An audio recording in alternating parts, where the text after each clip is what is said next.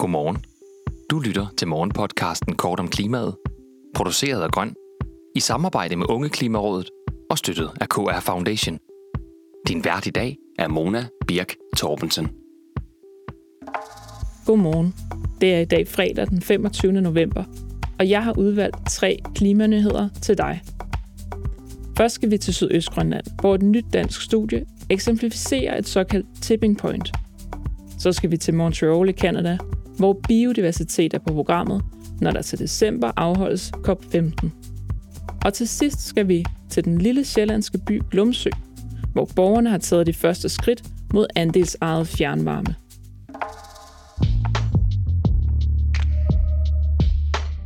Et nyt dansk studie om havforholdene i Sydøstgrønland giver et helt konkret eksempel på de tipping points forandringer, der skyldes global opvarmning.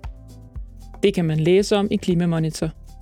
Studiet viser, at de globale klimaforandringer har ændret havforholdene i Sydøstgrønland i en sådan grad, at de narvaler og valrosser, der i århundreder har levet der, nu er flyttet derfra.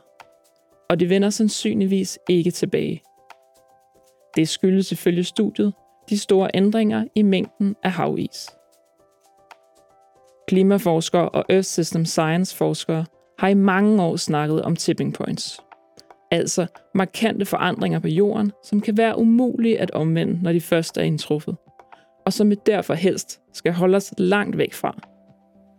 Det konkrete tipping point i Sydøstgrønland kan være en forvarsel og en reminder om, hvor vigtigt det er at bremse den globale opvarmning.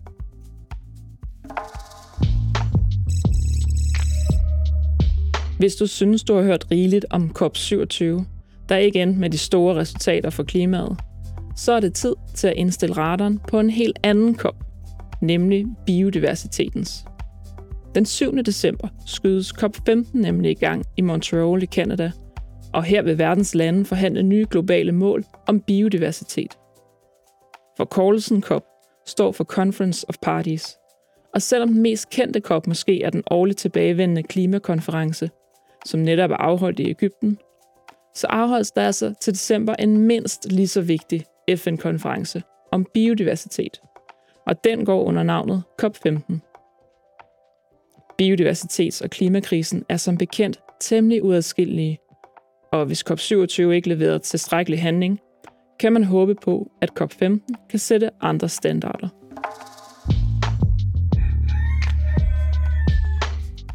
Her til sidst er der godt nyt til de mindre byer, der ikke har udsigt til at kunne koble sig på fjernvarmenettet, men som ønsker et alternativ til de fossile varmekilder. I kort om klimaet har vi før fortalt om det andelsejede alternativ, som tilbydes af et tysk energiselskab. Hvis minimum 500 husstande går sammen, kan de få etableret et fjernvarmeanlæg baseret på industrivarmepumper. Det bliver så drevet af energiselskabet, men ejes altså af det lokale andelsselskab. I Klimamonitor kan man nu læse, at den sjællandske by Glumsø, som den første, har underskrevet en hensigtserklæring om at etablere lokal fjernvarme på den her måde. I mindre byer som Glumsø kan det ellers være for dyrt at koble sig på fjernvarme, så det andelsejede alternativ er potentielt rigtig godt nyt for de mange familier rundt omkring, der gerne vil skifte til en grønnere og billigere varmekilde. Det var dagens overblik. Ha' en rigtig god fredag. Tak fordi du lyttede med til Kort om klimaet. Vi har alle ugens hverdag udsendelsen klar kl. 8. Hvis du vil høre den med det samme, så gå direkte ind på vores feed på kortomklimaet.dk.